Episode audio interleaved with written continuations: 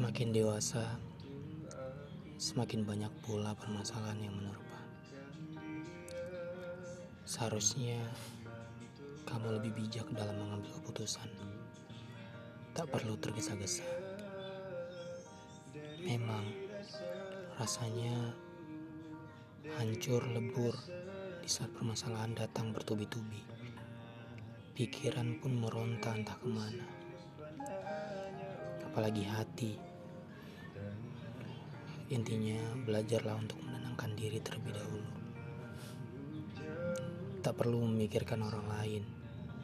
Coba renungkan dan pikirkan bagaimana dengan diri kita sendiri. Semua permasalahan satu persatu akan selesai jika kamu tetap tenang. Semangat ya, jangan pernah menyerah.